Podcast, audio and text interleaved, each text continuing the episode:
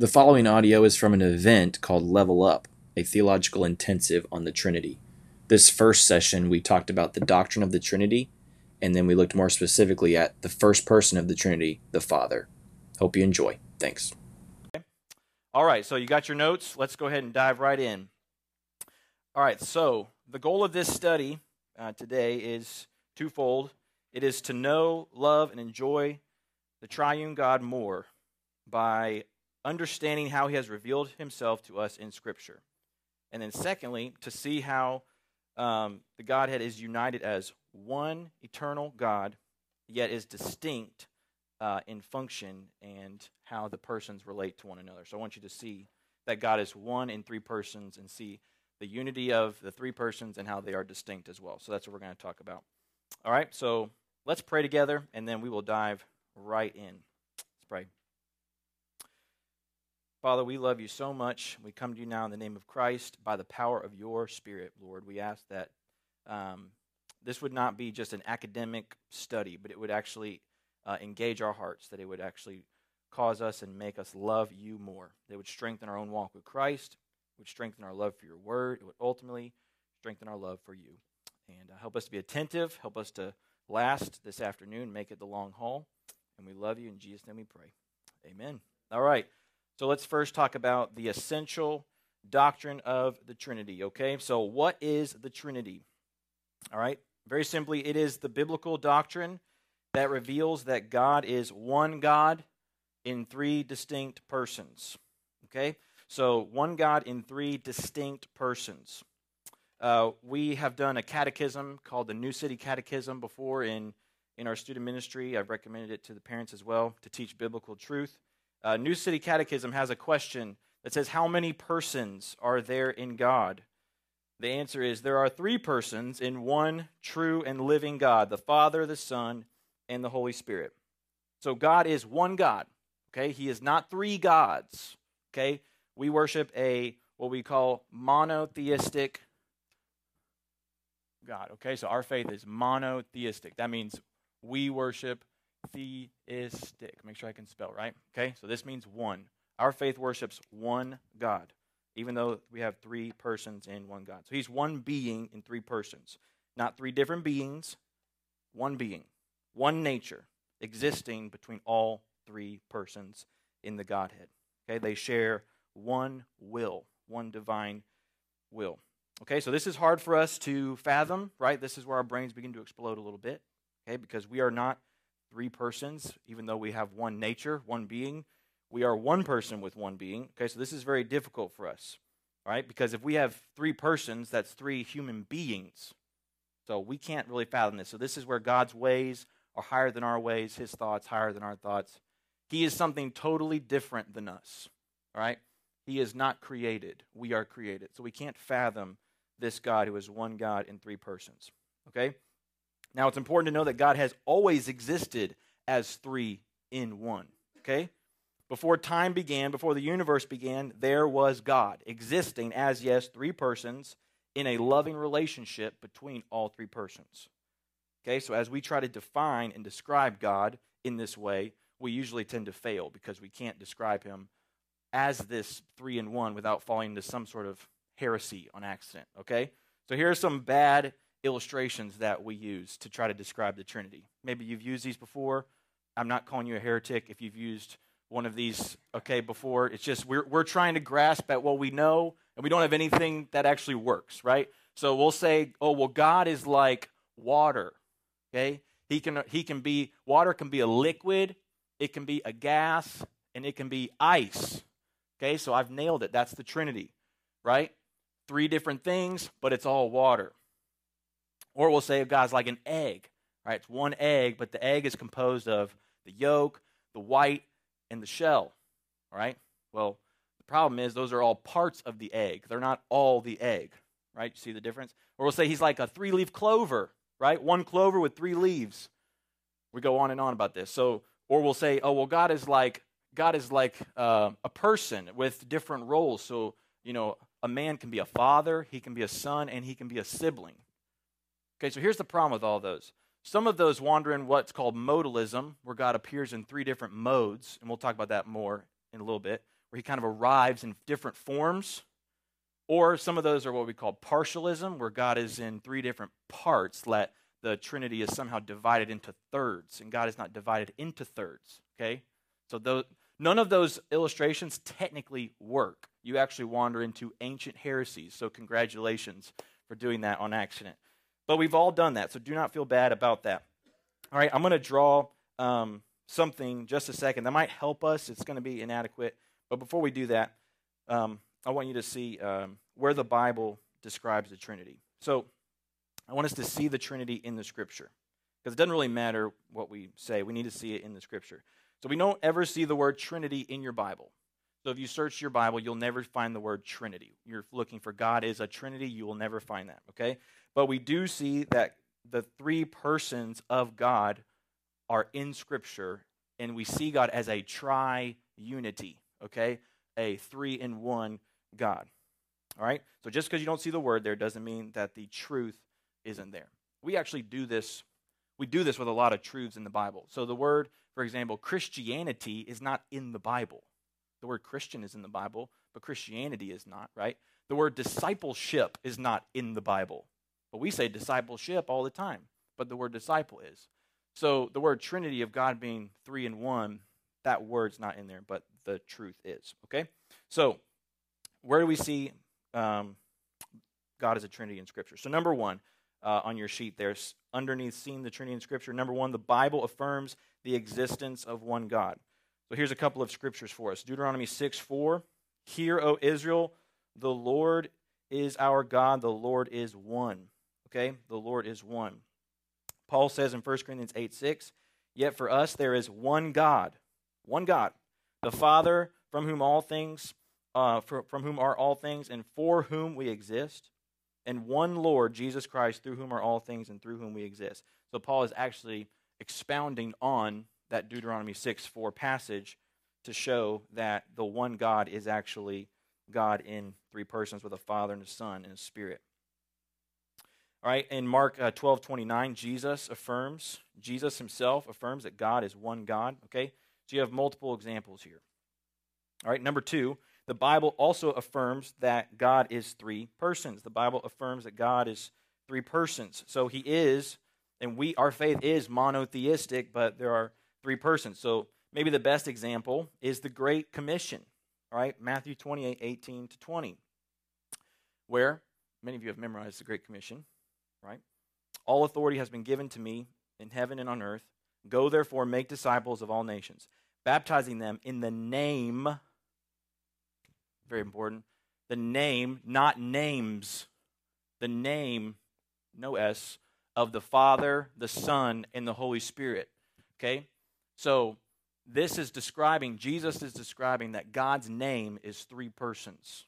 All right? These are not three gods that Jesus is saying we worship. We baptize people in the name, the one name of Yahweh, who is Father, Son, and Holy Spirit, right there in the Great Commission. All right? So, Great Commission, not just useful for giving us our marching orders as a church, but also useful for doctrine. Okay? Uh, for, uh, 2 Corinthians 13, 14, you see all three here. The grace of the Lord Jesus Christ, that's the Son. The love of God, that's the Father. And the fellowship of the Holy Spirit is with you all. That's the Holy Spirit. Um, I have a plethora of verses there that you can read in your own leisure. We don't have time to go into all those. But Galatians 4, 4, uh, Matthew 3, 17, John 1, 1 to 3, Genesis 1, 1 to 3. These are all verses where you see multiple persons of God in the Godhead all listed in the same space. All right? So the the Father, the Son, Holy Spirit are one God. So here's what what is what would work. It's like if you were going to draw on a napkin, you're trying to describe, you know, the Trinity to somebody. What could you do if the egg doesn't work? Okay, because the egg doesn't work. Okay, so um, what you can do is you can do a triangle. All right. Now it's it's not perfect, right? So be gracious. All right. So if you have a triangle, I understand that everybody might not be able to see. So if you have a triangle, God put Father up here, all right? Son, and then you have Holy Spirit. Okay? So, one God, but the Father is not the Son. The Son is not the Father. The Father is not the Holy Spirit. Holy Spirit is not the Father. Vice versa down here, right? So, but they are all one God. Okay? So you can write is not out here. Father is not the Son. Right? Is not, is not. And then you can, on the inside, you can write is. Right? The Son is God, the Father is God, Holy Spirit is God. So there's unity, right? You have the unified Godhead, but you have the distinction between Father, Son, Holy Spirit. All right? We'll come back to that, leave it up. We'll kind of keep adding to that as we go. All right, so number three, the Bible affirms that the three persons in God are distinguished from one another. Okay, so they don't all, the, the, the three persons in one God, they all share a lot of common things, but they also have some distinct attributes and, and properties. We'll get to that. Ephesians 4 4 to 6. In the middle of the verse, it says, One Spirit, just as you were called to the one hope that belongs to your call, one Lord, that would be referring to Jesus, one faith, one baptism, one God and Father who is over all, through all, and in all. So you see distinction and unity there. One Spirit, one Lord, one Father, but one faith. Okay, one God. The Bible shows that the personal relationships, that there are actually personal relationships between the three persons. So the Bible actually describes, not, not that they're distinct, but actually describes their relationship with each other. Okay? So what that means is that the, the Bible shows that the Father is the Father of the Lord Jesus Christ. Okay? You have that on your sheet there. All right? So we would call this we would call this like mutual relation between the uh, persons, mutual relation or relation of origin. All right. So you have the Father is the Father of the Lord Jesus. That would be Ephesians 1 3. The Son is called the beloved Son from the Father at his baptism, for instance, Matthew 3 17, Romans 8 32. Um, the Holy Spirit is called the Spirit of God in Matthew 3 16. You have the Spirit descending on, on Jesus at his baptism. He's also called the Spirit of Christ. Okay, so he's called the Spirit of God, the Father, and the Spirit of Christ. We'll talk how that's unique about the Holy Spirit, that the Spirit actually comes from eternally both Father and Son. Okay, we'll get to that a little bit. So there's distinction here. All right? So what you need to know is that the Father is not the Son. They are not interchangeable. The Son is not the Spirit. They are not interchangeable. Spirit is not the Father or the Son. Okay? They have distinction while they are unified. All right, so what would that mean? So, if I called one of you to pray, all right, for dinner in a minute, and you prayed this really nice prayer, and you said, Heavenly Father, thank you for dying on the cross for me. Wrong. Okay? You just wandered into a heresy right on accident, right off the bat. Right? The Father did not die on the cross for you. Okay? That is a really fun word called patri. Let's see if I can spell it right. Patripassarianism, okay? That means a heresy where they believe that the Father died on the cross, okay?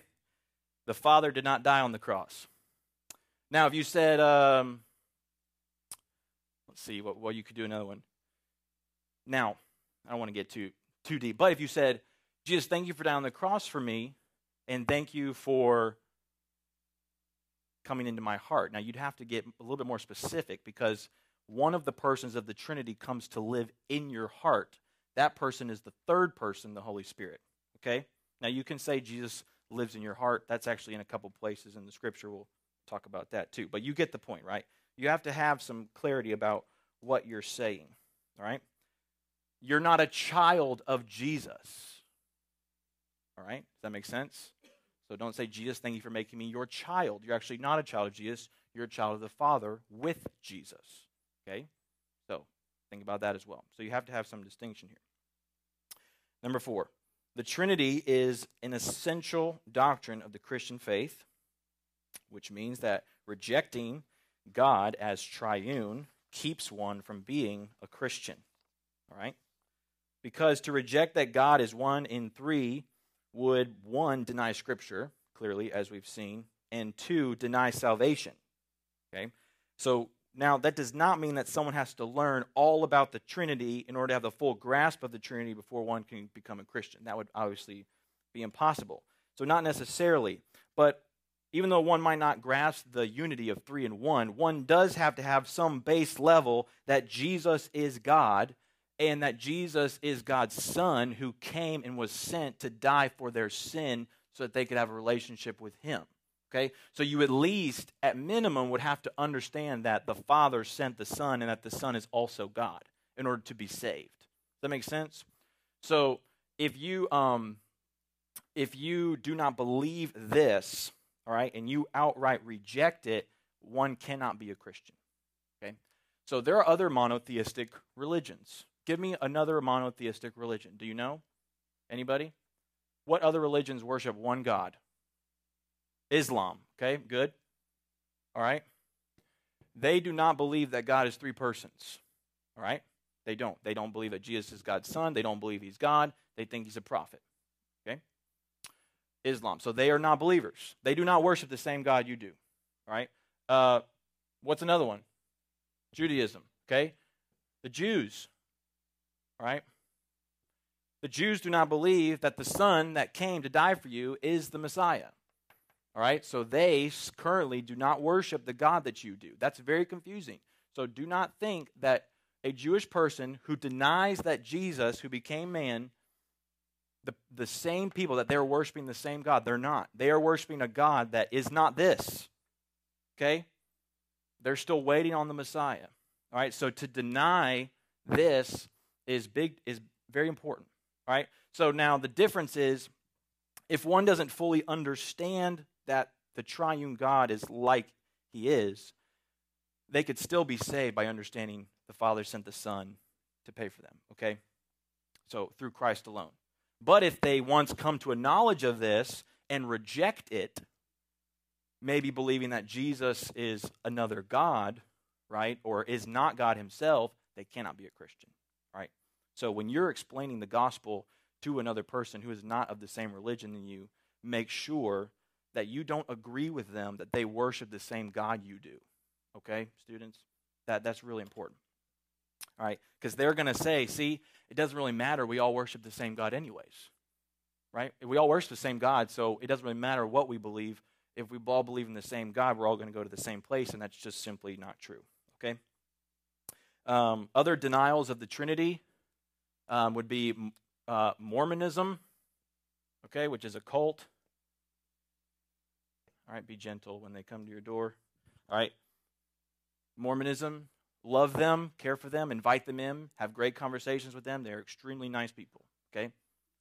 Seriously, have them in your house for tacos, okay? Open the Bible together and talk about Jesus, okay? And ask them questions, right? Ask them questions about who they say Jesus is.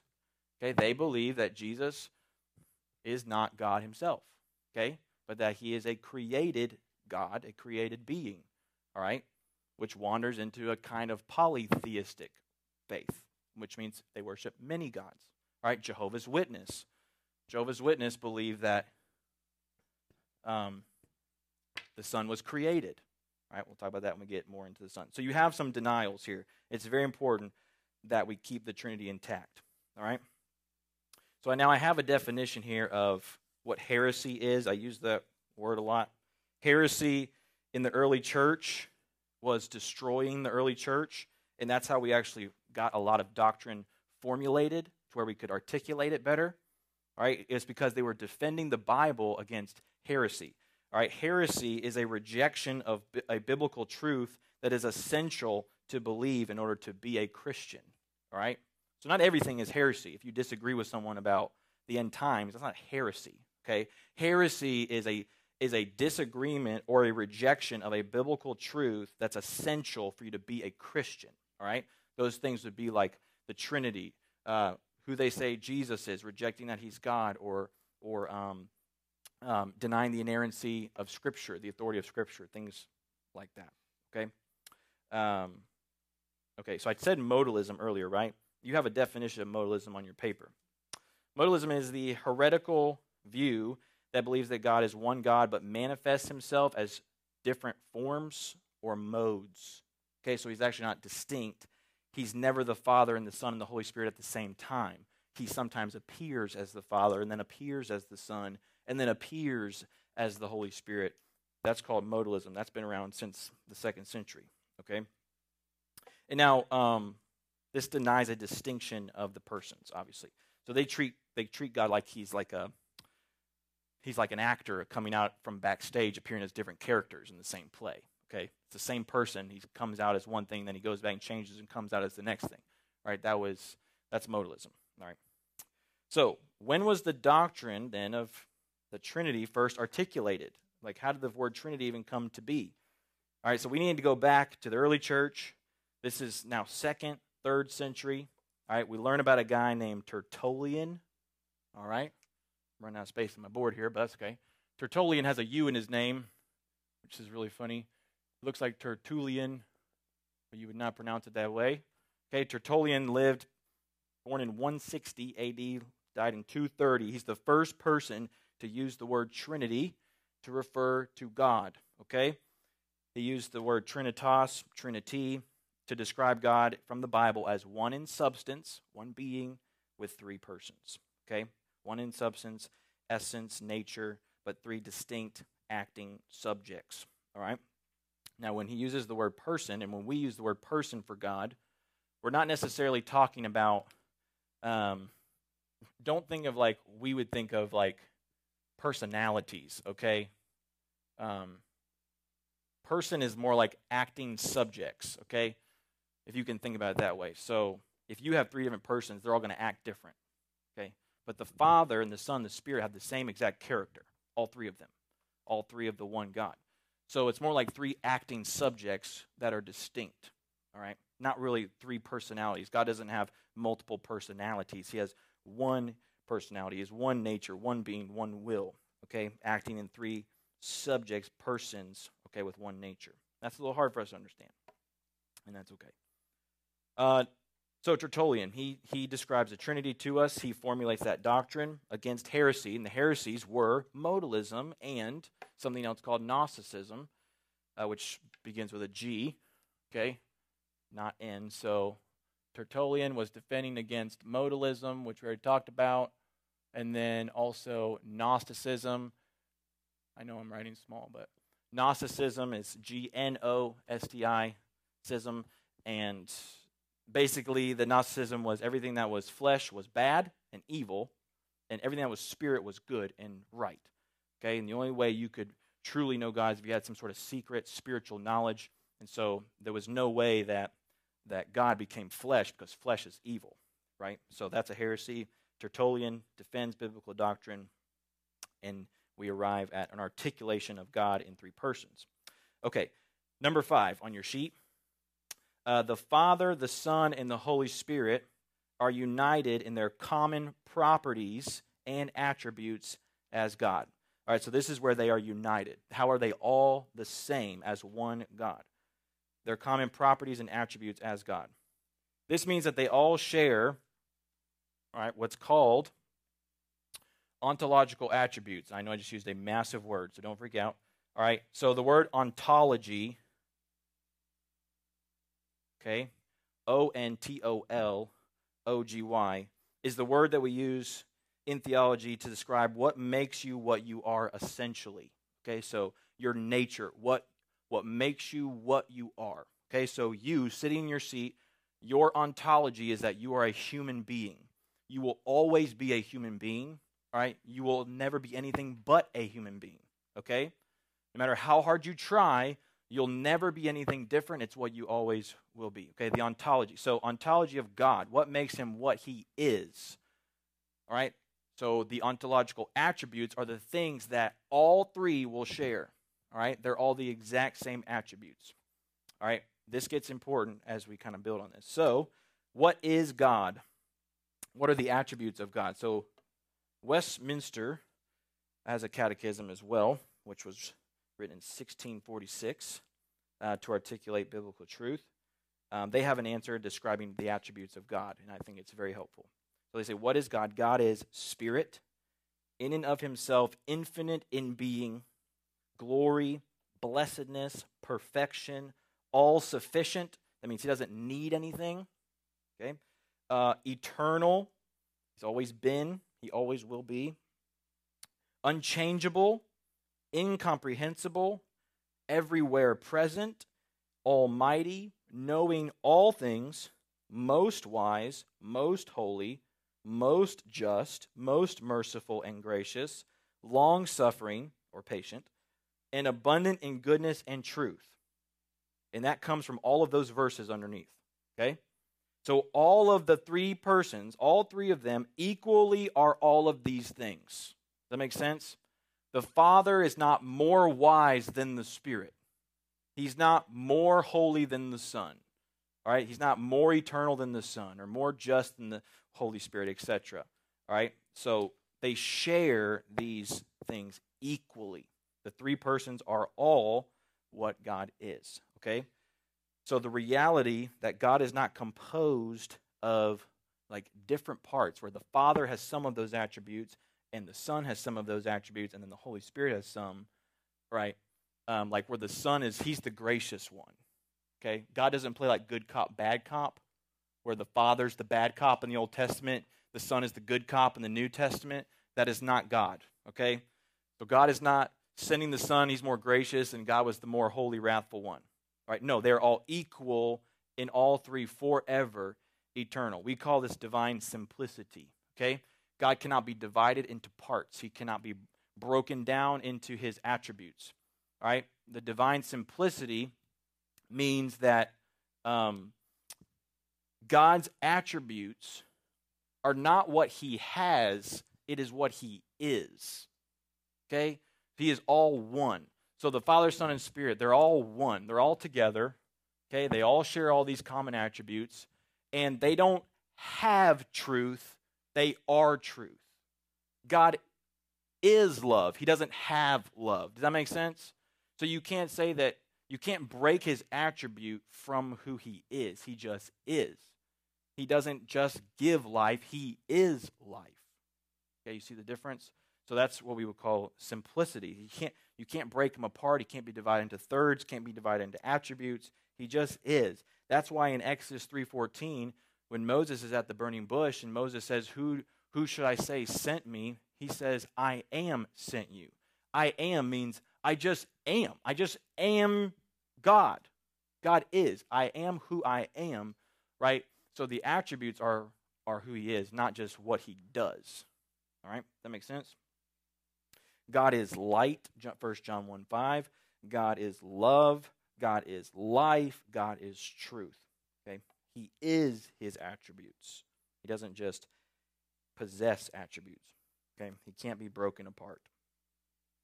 So ontology then is important because God can never not be those things. Okay? Forever he will be those things. It's who he has always been for eternity. God doesn't somehow become gracious when Jesus comes to us. Okay, he, he's always these things, okay, forever. Number six, the three persons are all actively working and operating together in all that God does. Okay, so the three persons are all actively at work, operating together. So that word would be operate in your blank. In all that God does. All right, we call this. See. I'm going to erase Tertullian. You guys good if I erase this over here? And this big giant word here? Go to school tomorrow and say Patripassarianism. See what your teacher does. Um, okay, so yeah. Okay. So the what everything that God does, all three persons work in unison. Okay. So that means um, that things like creation. Okay. This is not reserved for the Father, right? Um, all three are working in, create, in creation. I'll talk about this in a second some more. All right. Redemption, salvation. Right, that's not like the Son's job only where the Son comes and the Holy Spirit and the Father hang out in heaven, they say, see you when you get back, right? That's not how they're all three actively at work in all that God does. Those are just a couple examples.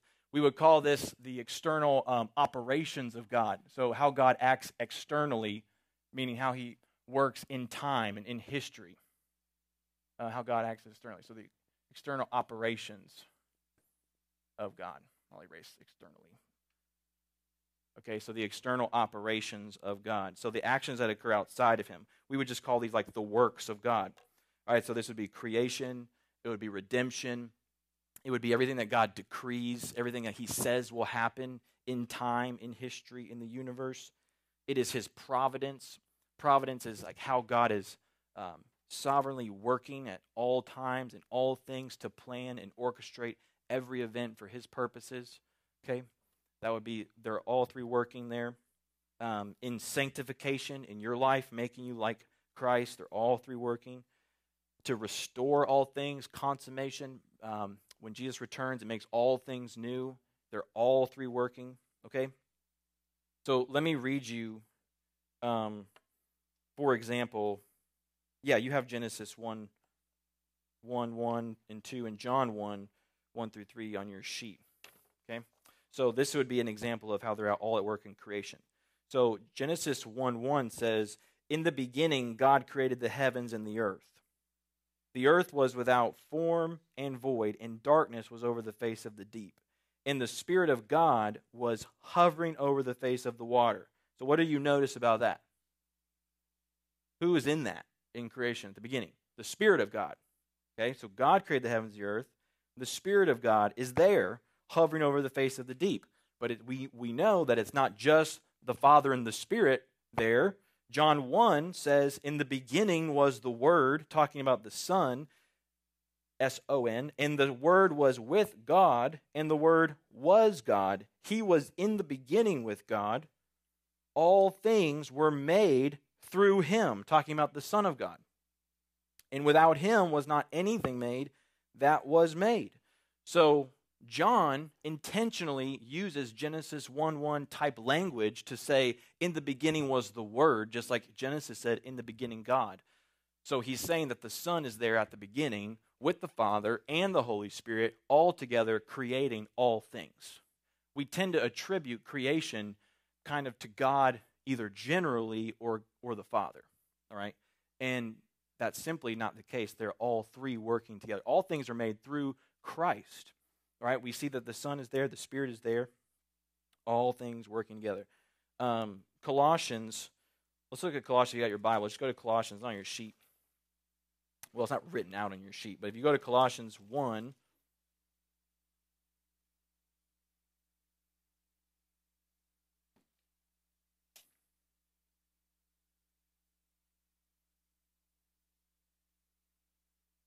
Colossians 1 1 says, this is talking about Christ, okay, the Son.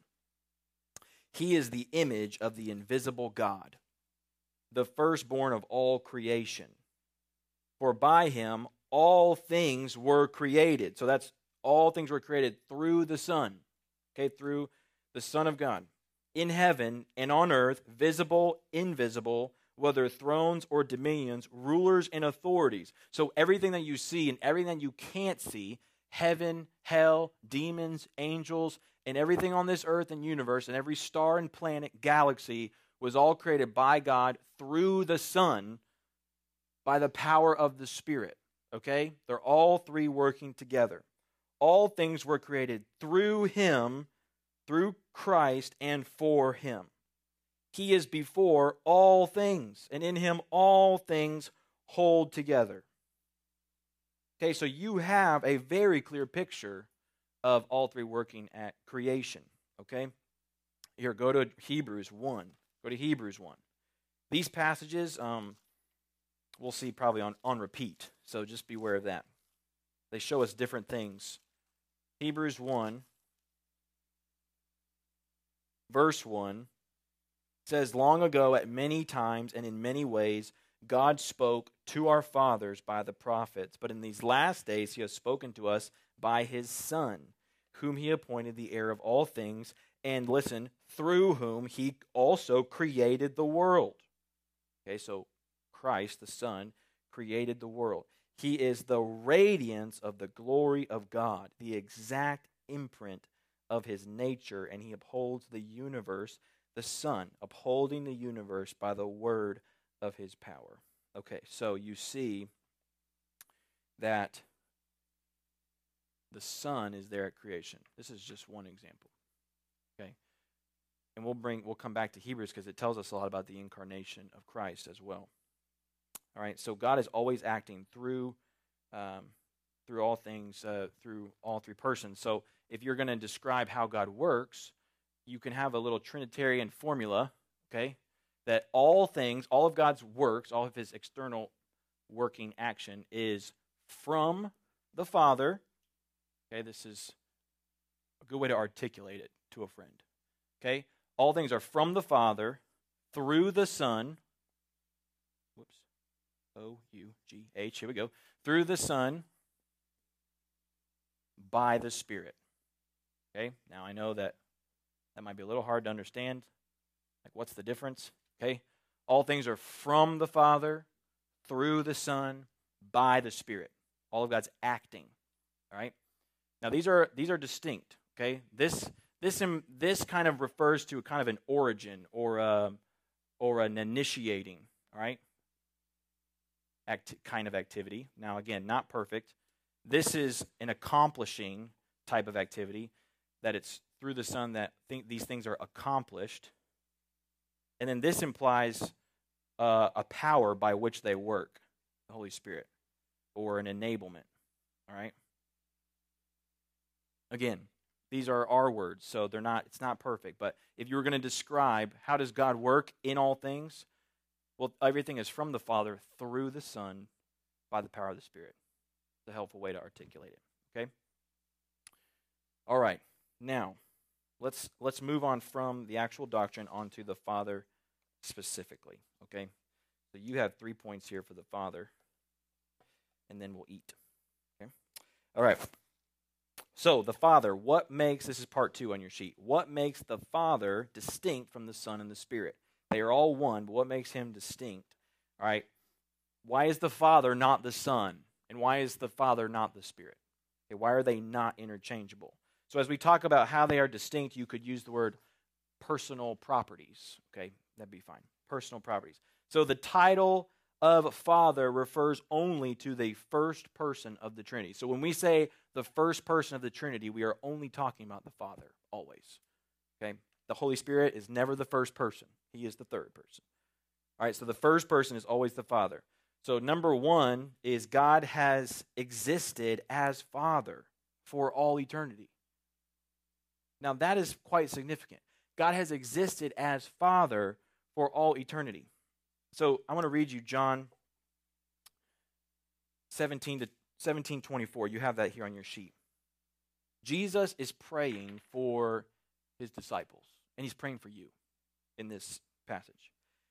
He says, Father, I desire that they also, whom you have given me, may be with me where I am to see my glory that you have given me because you loved me before the foundation of the world.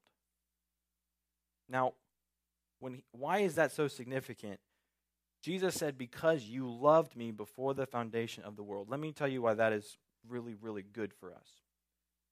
Because before God is a creator, and before he is a ruler, and before he is Savior, he is Father. He has always been a father to a son. That is a mind blowing reality to us. That means being a father is not one of his many roles. He's not father, and then he's creator, and then he's ruler. No, father is who he is. He is father. That means he creates as a father. He doesn't just do father nine to five, create in the evenings. He creates as a father. He rules as a father. He saves as a father. You see? He is father. That's who he is. He's not primarily creator. We might say, who is God? Well, he's the creator. Not first, he's not. First and foremost, he's a father to a son. He was that before he ever created anything. Right, to make him essentially creator would mean that creation is essential to who he is. but God is all sufficient before he created anything. So to make creation essential to him means that God is in some way dependent on there being a created stuff in order to be God. But there is that is not the case. Creation is not essential to who he is. He did not have to create. He created out of an overflow of his fatherly love toward us. Okay, that so that is a that is a really mo- remarkable thing to think about. That's why when Jesus refers to him, how does Jesus so often refer to God? He doesn't really refer to God much as creator. He refers to him as father. Jesus says, for instance, no one comes to the Father except through me. He didn't say no one comes to the creator except through me. Of course, he could have, but he didn't. Because God is essentially a father, and to the Son, he has always been father. Um, and he's always been father and we see actually some evidences of this even in the Old Testament. Jeremiah 3:19 is an example. Jeremiah is writing the words of God and God is grieving over his people's sin in this passage and he says, "I thought you would call me my father and you would not turn from following me." So you see in the Old Testament that even even then, that's who he was. Isaiah 63 16. You, O Lord, are our Father. Our Redeemer from of old is your name. You have other examples like uh, Matthew 6 9 is the Lord's Prayer. Jesus teaching us to pray, Our Father who art in heaven, hallowed be your name, right? Um, and there's other verses there John 20 17, Romans 15 6, 1 Peter 1 3. So he's always been a personal, loving father. The first person of the Trinity is a father who loves his son, right? God does not become a father like I became a father. Okay, I became a father November 13th, 20, was it 15? Yeah, yeah, almost forgot. 2015, yeah. Ezra is like six, yeah. So I, I became a father. That's not essential to who I am, right? So God doesn't become a father, He always has been a father, which is hard for us to understand. But so is thinking about God never have a beginning. So it's not much harder than that, right? God already never begins, so he never begins to be a father. He just is a father. And that means the reason it's good for you and me that God is essentially a father to a son, which means that he has forever lived in a loving, personal relationship and community with the three persons. He, the Son, and the Holy Spirit have lived in a love relationship with each other, perfectly relating to one another forever. Which means that when God creates you in His image, He makes you a relational being. That's what it means to be made in God's image. You crave relationship, you crave love, because that's essential to who God is, because He's been doing that since before anything was ever created between He, the Son, and the Spirit. So, this is a, a really amazing, powerful thought to your walk with Christ is that the Father loves you not because he has to, but because that's just who he is. And he's always been loving to his Son forever. And now his love overflows to you. And this is, this is a remarkable thought. So, God has always existed in relationship, perfectly loving, perfectly happy, perfectly satisfied in himself. God has always been delighting in his son before anything ever came to be. So, Michael Reeves, who actually wrote that book that you can win over there, he wrote, before, before he ever created, before he ever ruled the world, before anything else, this God was a father loving his son. So, that's pretty remarkable to think about. Let's go ahead and move on to the second point. The Father eternally begets the Son. Begets. B E G E T. Beget. Okay? So the Father eternally begets the Son. The Son and the Spirit proceed or come from the Father from all eternity. Okay? So now here's where things get a little bit um, hard to understand. Okay? So you're just going to have to hang with me, all right? I'm going to keep that. I'll get rid of this. All right. You guys go over over here. All right. So the Father begets the Son.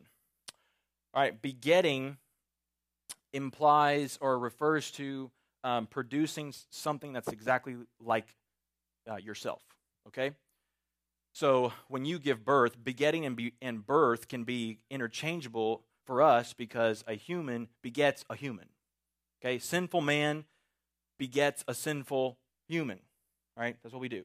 That's what's like us. Eternal God then begets what he is, which is eternal God. Okay? So we say the phrase God is uh, the Son, I'm sorry, is begotten, begotten, not made. And we'll see this in the Nicene Creed when we talk about the Son. Okay? Begotten, not made, because there is a difference. Okay? So the Father eternally, from etern- eternity past, begets the Son, which means that the Son, all right, without drifting into heresy, the Son for eternity generates from the Father. Okay? Not like a generator that powers your house. You don't, don't think about it like that. The, the Son eternally is from the Father without ever having been created. Okay?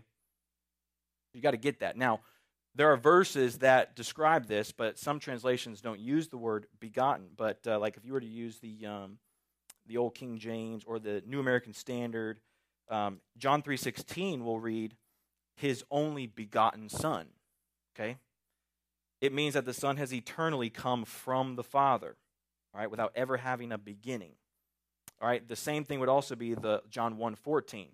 So if you were to read John 1:14 and the word became flesh and dwelt among us and we have seen his glory and then the New American Standard would say glory as of the only begotten from the Father. Okay, but like ESV doesn't say begotten.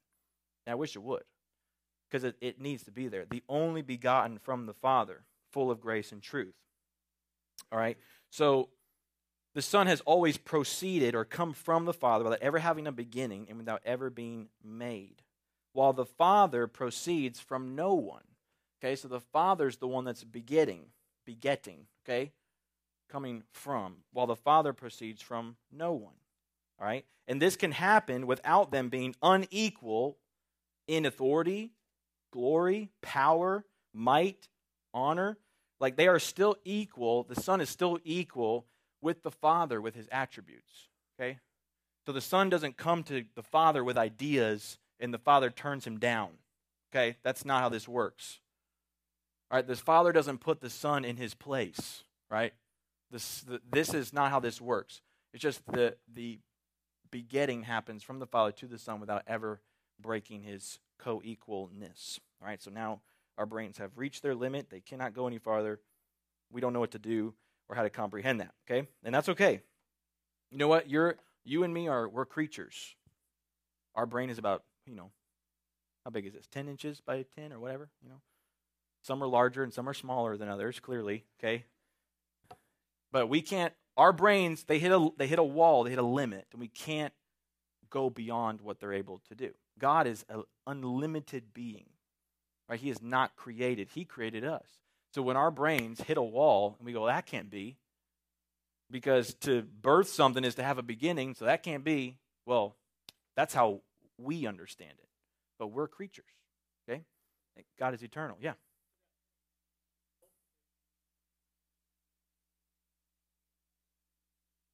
Mm-hmm.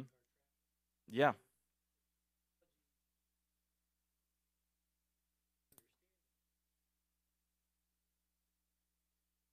Exactly. Exactly right. We're we are constrained in time, right? When God said, "Let there be light," or when God created the heavens and the earth, time begins. Creation begins. And so all of our terms and understanding begin and operate in that space, matter, and time.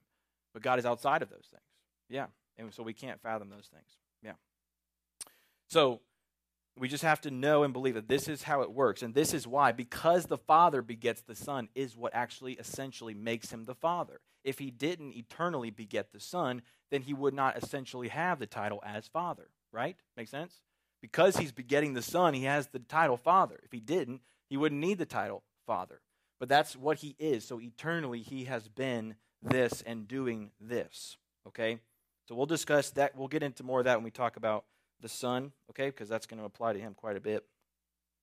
Number three, through Christ, God the Father then becomes your Father. Through Christ, God the Father becomes your Father. So, students and adults, not everyone is a child of God. You all need to drill that deep into your head. Just be not all the created people are children of God. A created being does not equal a child of God. Okay? God loves them. God sent his son so that they might be saved and through Christ be brought into the family and become a child. Okay? So when you speak about all of God's children, you can only be speaking about the church, about God's people, people who have faith in Christ, okay?